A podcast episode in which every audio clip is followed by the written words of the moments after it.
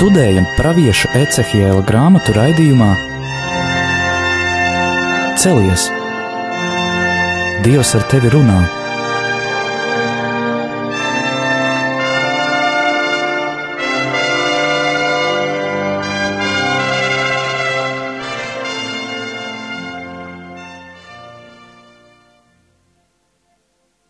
Slavēts Jēzus Kristus. Mūžīgi mūžos slavēts. Studijā Stēla un Anģela. Kā šodien turpināsim lasīt Ecihiela grāmatas 16. nodaļu, varbūt arī 17. un 16. nodaļa veido paralēli arī ar Ecihiela grāmatas 23. nodaļu, kura doma ir izteikta ar citiem tēliem.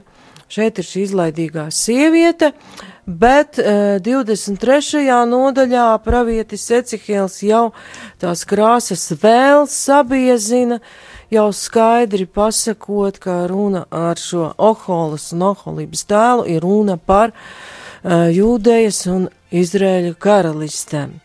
Iepriekšējā reizē jau nedaudz skatījāmies, kā saprast šo sievietes tēlu, un kāpēc tur ir tie eģiptieši, asīrieši un haldieši, un jau sapratām, ka runa ir par mazas valsts, mazas tautas vēlēšanos atrast kaut kādu stiprumu, spēku, slēdzot dažādas savienības, tirdznieciskas, tādas pat it kā politiskas savienības un arī militāru palīdzību meklējot.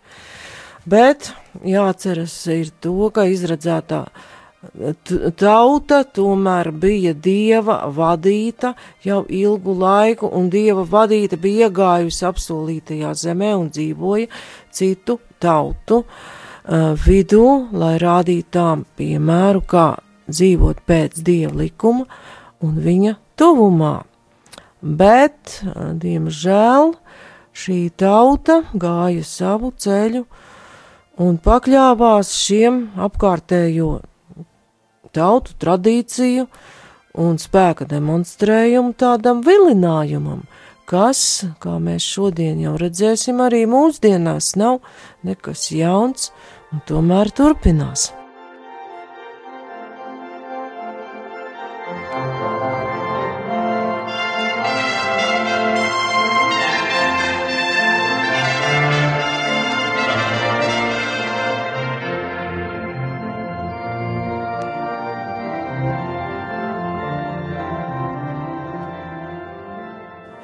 Tātad jau sapratām, ka šī sieviete, tur tas attiecas uz šim Izrēļa un Jūdas karalistēm, ir šo tautu tāds atainojums un tautas un viņas valdnieku rīcības attēlojums, kā viņas tad dzīvo citu tautu vidū. Un uzpeld pat tāds interesants jautājums. Nu, visur ir tā sieviete, tā netiklātā, briesmīgā, kas ar visiem ielaižas. Kāpēc te un arī 23. nodaļā tieši ar sievieti tas ir atainots? Nu, var teikt, pat tur ir pirmsākums jau, ka sieviete jau pēc radīšanas kārtības ir tās, vājākais, nu, nevar, fiziski vājākais, es gribētu teikt, jo ir lietas, kuras sievietes ir pārākas par vīrieti, kaut vai intuīcijas ziņā. Tas fiziski vājākais meklē atbalstu, stiprumu pie kāda, kas stiprāks, ko simbolizē vīrietis. Un arī daudzās vecās derības grāmatās mēs varam lasīt, ka Dievs izredzēto tautu uzlūko kā laulāto draudzeni, ka tās ir kā laulāto attiecības starp vīru, tātad dievu, kas ir spēcīgs, varens un spējīgs aizsargāt, un sievu šo izredzēto tautu, kas ir tā sargājamā, kuru dievs grib ņemt, kā izsais raksta, kā vista zem savas spārna sapulcina cālīšus. Un arī šeit šis tēls liekas tāds, nu, ka mēs iedomājamies to kluksti, viņa tur kašais pa tām smiltīm. Bet iedomāsies, ja mēs esam mazi cālīši, cik zem tā spārna un pie tā spalvas ir silti, mīksti un labi, un ja mēs iedomājamies sevi šajā cāļa pozīcijā, tad varam saprast kādu ērtību un gādību Dievs ir paredzējis saviem ļaudīm. Bet Izradzētā tauta to ir aizmirsusi, ko mēs visu laiku redzam jau Ecihēla darbības vēsturē, kura ejam cauri, ka viņš klausa kunga pavēlēm, jo katra nodaļa iesākas ar to, ka kunga vārds nāca par mani, gan tā 16. gan tālāk 17. un tā tālāk. Un kā Anģela lasīja krieviski, slova bila kamņe, ka vārds bija klātesošs, klāt. Un viņš rāda ar zīmēm, runā ar vārdiem, bet tauta pie kunga neatgriežas, un tad šis teksts kļūst arvien tāds agresīvāks, bargāks, un tie simboli pat tādām Eiropiešu acīm dažkārt šķiet pat ļoti tādi nu, satraucoši un briesmīgi, kā tā sieviete tur dara un kā viņa uzvedās. Bet Šajā gadījumā mēs nepārspriežam sīkumos visas viņas uzvedības nianses, bet ņemam pašu galveno. Ar šo tēlu ir parādīts, ka tauta uzvedas kā tāda paklīdusi sieviete, jeb prostitūta, kas meklē to, kas viņai ir izdevīgs tātad saviem spēkiem nodibināt sev kaut kādus labus un drošus apstākļus. Vēl mēs te manām, ka izrādās, ka ir liela tāda pielāgošanās, jo redzot to vēsturisko kontekstu, ka ir pielāgošanās jau citu tautu uh, kultūrai, un sekošana tās tradīcijām, jo, kā Ecihils raksta, ka seko pagānu tradīcijām ir daudz elgdievības, kā no 35. panta mēs varam lasīt.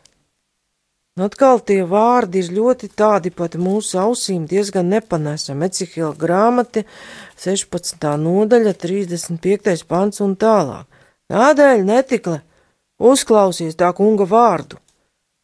Tā saka Dievs tas kungs, tāpēc, ka tu esi bijusi tik devīga ar līdzekļiem un pati ar sevi, un tāpēc, ka tu tik viegli esi atsegusi savu kailumu saviem mīļākajiem, kā arī tavu riebīgo elku dēļ un tavu bērnu asiņu dēļ, ko tu tiem atdevi, tad es sapulcināšu visus tavus mīļākos, pret kuriem tu biji iedegusies kaislībā un proti, visus, kas tev labi patika, kā arī tos, kas tev kļuvuši pretīgi. Tos es sapulcināšu no visām pusēm ap tevi un atsekšu viņu priekšā tavu kailumu, lai tie redz visu tavu negodu. Tālāk 39. pāns, un es tevi nodošu viņu rokās, lai tie noplēš tavus kalnu altārus un izposta elku novietnes, un tie novilks tev drēbes un atņems tavas rotas un atstās tevi pliku un kailu.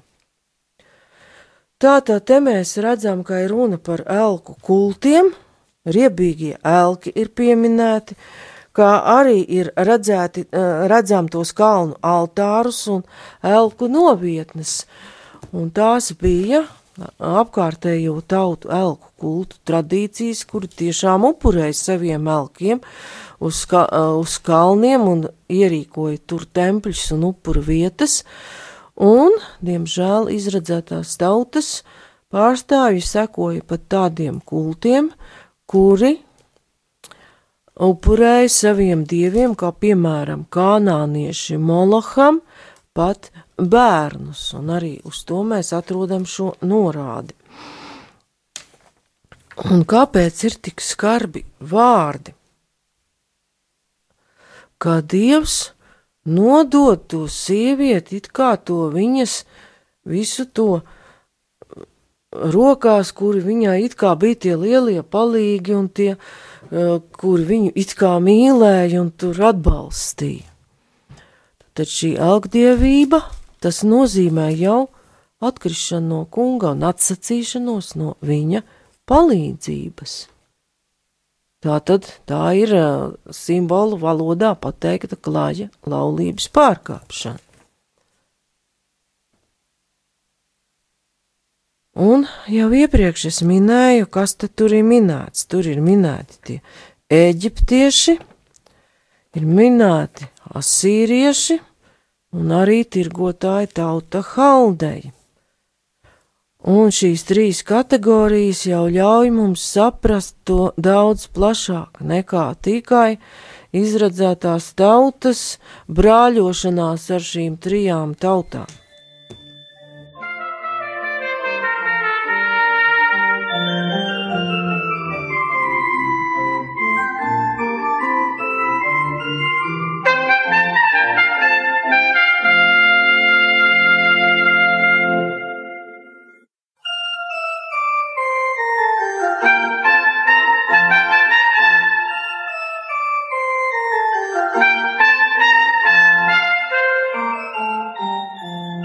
Un neatkarīgi kā tās uh, savienības tiek veidotas, jo izrādās, ka saprast to ļoti detalizēti parādīto sievietes tēlu mēs ļoti, un, un tos vīriešus mēs ļoti labi tagad varam saprast, ka runa ir par valstu savienībām.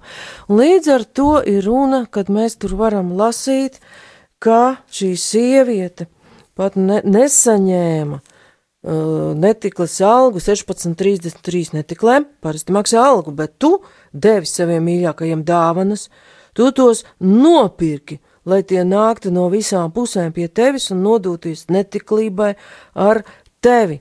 Un te jau mēs varam redzēt tālāku saikni ar vecās derības tekstiem. Tātad, pirka pārdeva, iesaistīta ir nauda. Tā tad jau ļoti uh, tāds līdz mūsdienām ļoti dzīvelīgs un labi izdzīvojis elgdievības veids. Un pats pirmais, kurā iekrita izredzētā tauta, jau ejot, aizejot no Eģiptes. Tas bija zelta taļš. Jā. Tauta redzēja, ka Mozus vilcinās kāpt lejā no kalna, sapulcējies ap āronu un teica: Celies, taisi mums dievs, kas ies mums pa priekšu, jo Mozus, tas vīrs, kurš mūs izveda no Eģiptes, Mēs nezinām, kas ar viņu noticis. Arons tiem teica: Izņemiet zelta riņķus, kas ausīs jūsu sievām, dēliem un meitām, un nesiet tos man. Tad visa tauta izņēma zelta riņķus, kas tiem bija ausīs, un atnesa Āronam. Viņš tos savāca, izveidoja ar cirtni un darināja izlietu teļu. Tad viņa teica: Šis ir tas, šis ir tavs dievs, Izraēla tas tevi izveda no Ēģiptes zemes. Paldies! Tā tad redzam, ka ir paļaušanās uz zelta un zelta varu. Un to mēs varam, Anģelis, nolasīt, vēl papildināt ar Ecihela grāmatas 16. nodaļas 17. pantu. Jo no kā tad tas zelts radās? Viņi paši viņu ražoja vai dzemdēja? Ecihēls pasaka ļoti skaidri. Tad tu ņēmi savas graznās un dārgās rotas no mana zelta un sudraba, ko es tev devu, un darināji sev no tā vīru tēlus, ar kuriem tu pārkāpi laulību. Tu ņēmi savus izrakstītās drēbes un apvilki tiem, veltītiem manu eļu un manas smaržīgās kvēpināmās zāles. Tā tad tiek pielūgts jau radītais, un te Ecihils izvērs tālāk, kad visos šais elku kultos un pielūkšanā tiek izmantotas dāvanas, kas nāk no paša kunga, jo jau radīšanas grāmatā otrajā aprakstā mēs redzam, kur tās četras upes un kunga stādītais dārs, ka tur arī ir zelts un tāds zemes zelts bija labs. Un arī šeit var piebilst no atkārtota uh, likuma grāmatas, astotās nodaļas. Jo kungs tavs dievs ved tevi uz labu zemi, uz zemi, kur ielējās un kalnos ūdens upes, avoti un urdzes. Tā ir zeme, kur kvieši, mieži, vinogolāji, vigis koki un grānātāboli. Tā ir zeme, kur olīveļa un medus. Tā ir zeme, kur tu ēdīsi maizi netaupīdams, kur tev netrūks nekā. Tā ir zeme, kur akmeņi ir no dzels un kur kalnos tu uzraksti, uzraksti varu. Kad ēdīsi līdz sātam, tad slavē kungu savu dievu par labo zemi, ko viņš tev devis. Paldies! Un astotā nodaļa vēl papildina to, un līdz ar to jau mēs varam to savilkt kopā ar pravieša Ecihela bargajiem vārdiem. Astotā nodaļa, atkārtotā likuma grāmata astotā 17. un 18. pants saka, tad nesaki viss savā sirdī, mans spēks un manu roku stiprums ir man šo bagātību devis, bet piemini to kungu savu dievu, ka viņš ir tas, kas dod tev spēku iemantot bagātību, lai apstiprinātu savu derību, ko viņš ar zvērstu bijis apstiprinājis, apsolījis taviem tēviem, kā tas šodien ir Un tālāk jau ir arī atkārtotā likuma grāmatā biedinājums. Bet, ja tu aizmirsīsi to kungu, savu dievu, sekosi citiem dieviem un tiem kalposi, un viņu priekšā metīsies zemē, tad es jau šodien apliecinu, ka jūs nīktin iznīksit. Es varu saprast skaidri un gaiši iznīksit, kā tauta. Jūs iesiet mazumā arī skaitā. Tas viss ir aiz šā kunga vārda. Tātad te mēs redzam divas lietas, ka viss šis labums, ar kuru tagad tā tauta uzspērk tos apkārtējos spēcīgos kaimiņus, un ar, kur, un ar šis labums, ar kuru viņa godā tos elkus, kas arī nāk no šiem apkārtējiem kaimiņiem, tā visa ir dieva dāvana. Tā tad Tā ir dieva dāvanas nonicināšana. Un tālāk mēs redzēsim vēl kādu interesantu niansi, kuru jau es izlasīju, kā tad tie uzpirktie kaimiņi, jeb kā šeit iesaukti mīļākie, kā tad viņi tomēr uzvedas.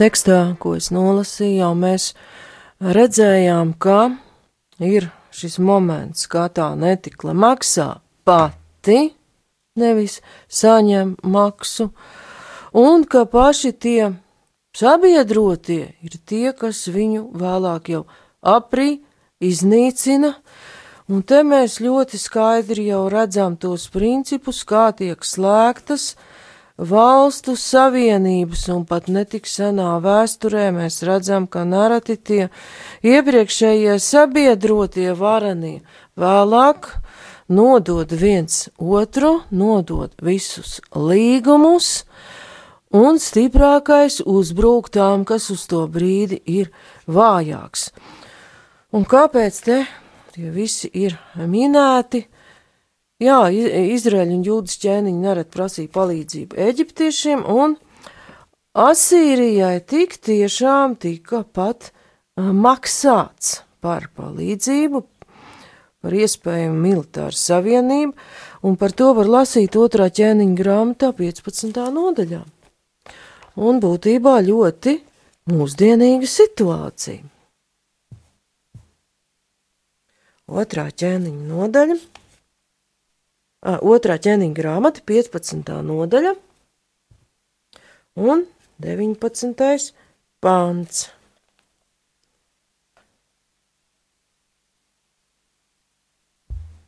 Un viņa valdīšanas laikā Asīrijas ķēniņš Fuls iebruka zemē un pakļāva tos sev, un Menahēms deva Fūlam tūkstošu talentus sudraba, lai viņš tam palīdzētu ar savu spēku un arī lai nostiprinātu ķēniņu valsts varu viņa rokā. Un Menahēms šo naudu savāc no Izrēla, un katram bagātniekam bija jādod Asīrijas ķēniņam no katra vīra 50 sudraba seķeļus. Tad Asīrijas ķēniņš griezās atpakaļ un vairs ilgāk nepalika zemē. Un tātad šeit ir Cita rakstura tirdzniecība Asīrijas ķēniņam tika pamatīgi samaksāts, lai nu viņš iet prom no tās zemes, bet varam saprast, ka tāda veida līgums ilgi pastāvēt nevarēja. Arī iesēja pravietis raksta savā 31. nodaļā, mēs varam izlasīt bēdas tiem, kas dodas uz Eģipti pēc palīga, kas uz zirgiem paļaujās, viņi paļaujās uz kararatiem, jo to daudz un uz jātniekiem, jo tie varen stiprina, uz Izraēļa svēto tie neraugās, un kungu tie nemeklē. Paldies! Un šeit Anģela nolasīja ļoti spēcīgu uh, tekstu, kas runā par to savienību ar Ēģipti. Es jau minēju Asīriju, un te mēs varam saprast, ka caur šiem simboliem varam redzēt paši savas valstis, valstu kopas, kurās dzīvojām, un mūsdienu situāciju. Vai mēs pat kristīgā, kādreiz kristīgā Eiropa pietiekami paļaujamies uz kunga spēku un viņa palīdzību, vai tomēr mēs vairāk paļaujamies uz dažādām tirdznieciskām un militārām valstu savienībām, tai skaitā arī NATO. Un kāds varbūt teiks, āprāts, es uzbruku NATO un saka, ka viņš ir slikts. Es nesaku, ka viņš ir slikts, jo valstīm ir jāslēdz savienības un jādzīvo kopā. Un arī Eiropas Savienība dažkārt daudz kritizēta sākotnēji, viņa ir radusies uz kristīgiem pamatiem. Jautājums ir par to, kas ir noticis tālāk un kas arī militārā savienībā nosaka toni vai dalību valstis, lai dabūtu kādu militāru un ekonomisku labumu, netiek vai netiks spiestas pieņemt jau citas vērtības, kas vairs neatbilst tām, kuras kungs ir nostiprinājis svētajos rakstos. Un es domāju, ka nav arī nevienam noslēpums, ka par militā, dalību sa, militārā savienībā un par palīdzību ir vienmēr jāmaksā un diezgan daudz. Tās visas ir savienības par maksu, un mazām valstīm tās nereti ir diezgan grūti panesams sloks. Un jautājums ir tur, cik tālu katra valsts ir spējīga saglabāt savu mugurkaulu un savas uh, kristīgās vērtības, savu identitāti, vai padodas spēcīgā varai neatkarīgi, uh, kādu tālāk viņš piedāvā, pat teikšu, ideoloģiju. Nerad tiek kritizētas gan Ungārija, gan Polija, bet šīs valstis saglabā savu identitāti un mugurkaulu. Un kā pēdējā laikā varējām izlasīt, kas lasa internetu arī laikrakstā Latvijas avīzē, kad viena no Ungārijas augstām amatpersonām, starp citu arī sieviete, tomēr uzskata, ka kristietība un tās vērtības ir pēdējais, uz ko Eiropa vēl var paļauties. Tātad jautājums ir, cik tālu un uz kādiem kompromisiem var iet valstu savienībās, ekonomiskās vai militārās, un kas tajās ir primārais. Tomēr paļaušanās uz uh, dievu kā visu valdītāju un vēstures vadītāju, vai arī uz to, kurš stiprāks un kuru es labāk varēšu nopirkt un kurš man labāk palīdzēs. Jo kā Ecihēls liecina ar savu tekstu, Tie lielie palīgi un atbalstītāji un palīdzētāji vēlāk var nākt tavā zemē un tevi izpostīt.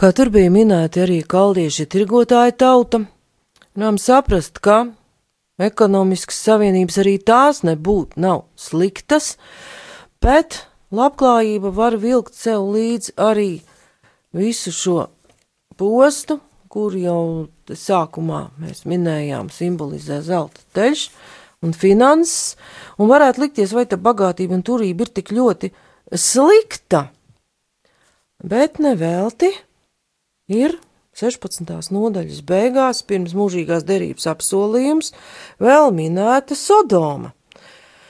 Un kungs ar Ecihēlu mutu norāda, ka izredzētā tauta pat uzvedas sliktāk par Sodomu, un nosauc arī tos noziegums, jo arī tā Sodomas pilsēta un tās bija turīgas pilsētas un nebija tur nekāda trūkuma. Redzi, tas bija tavs māsas Sodomas noziegums. Lepnība, maizes pilnība un dzīve bez bēdām. Tāda bija viņas un viņas meitu dzīve, bet nabagam un trūkumu cietējam tā nesniedza palīdzīgu roku. Tās bija lepnas un darīja negantības manā priekšā. To redzēdams, es tās atstūmu. Tātad te redzam arī to, kas var sekot uh, laicīgai labklājībai, ko dažkārt dāvā arī tādas stipras ekonomiskas savi, savienības, ir šī uh, tiecība uz šiem galvenajiem grēkiem. Un šajā līdzībā paralēli ar Sodomu mēs varam tos jau saprast, ka tie ir lepnība, tur ir maizes pārpilnība, rīība, arī slinkums, dzīrošana, un tāpēc Sodoma tiek apspiest, vēlāk atstumta un apspiesta, jo tā lepnība izraisīja vēl šo ceturto grēku, nabaga apspiešanu. Un, ja mēs atceramies jauno derību, katrs cilvēks un katra tauta tiks tomēr tiesāta pēc tā, Nevis kādas ekonomiskus augstumus tu sasniedzi un savienības noslēdzi, cik varens bija, bet Mateja evaņģēlijā Jēzus 25. nodaļā dod citas kritērijus. Vai tu pabaroji un apģērbi nabagu, apģērbi kailo, trūcīgo, vai aizgāji pie viņa cietumā, un pēc tā arī ir noteikts šis kritērijs, vai tā ir dieva tauta vai nav bijusi dieva tauta. Bet šodien jau mēs, mums ir raidījums jābeidz, lai nākamā reizē jau pievērstu 17. nodaļai par diviem ērgļiem, jo no sākuma varētu rasties pat mānīgs iespējas, kas tie tādi ir, jo mums varētu ērglis asociēties ar Jāņa evaņģēliju, bet tad mēs redzēsim, kas tie ir. Bet šodien mēs atvadāmies, studijā bija Stela un Anšela. Paldies par uzmanību!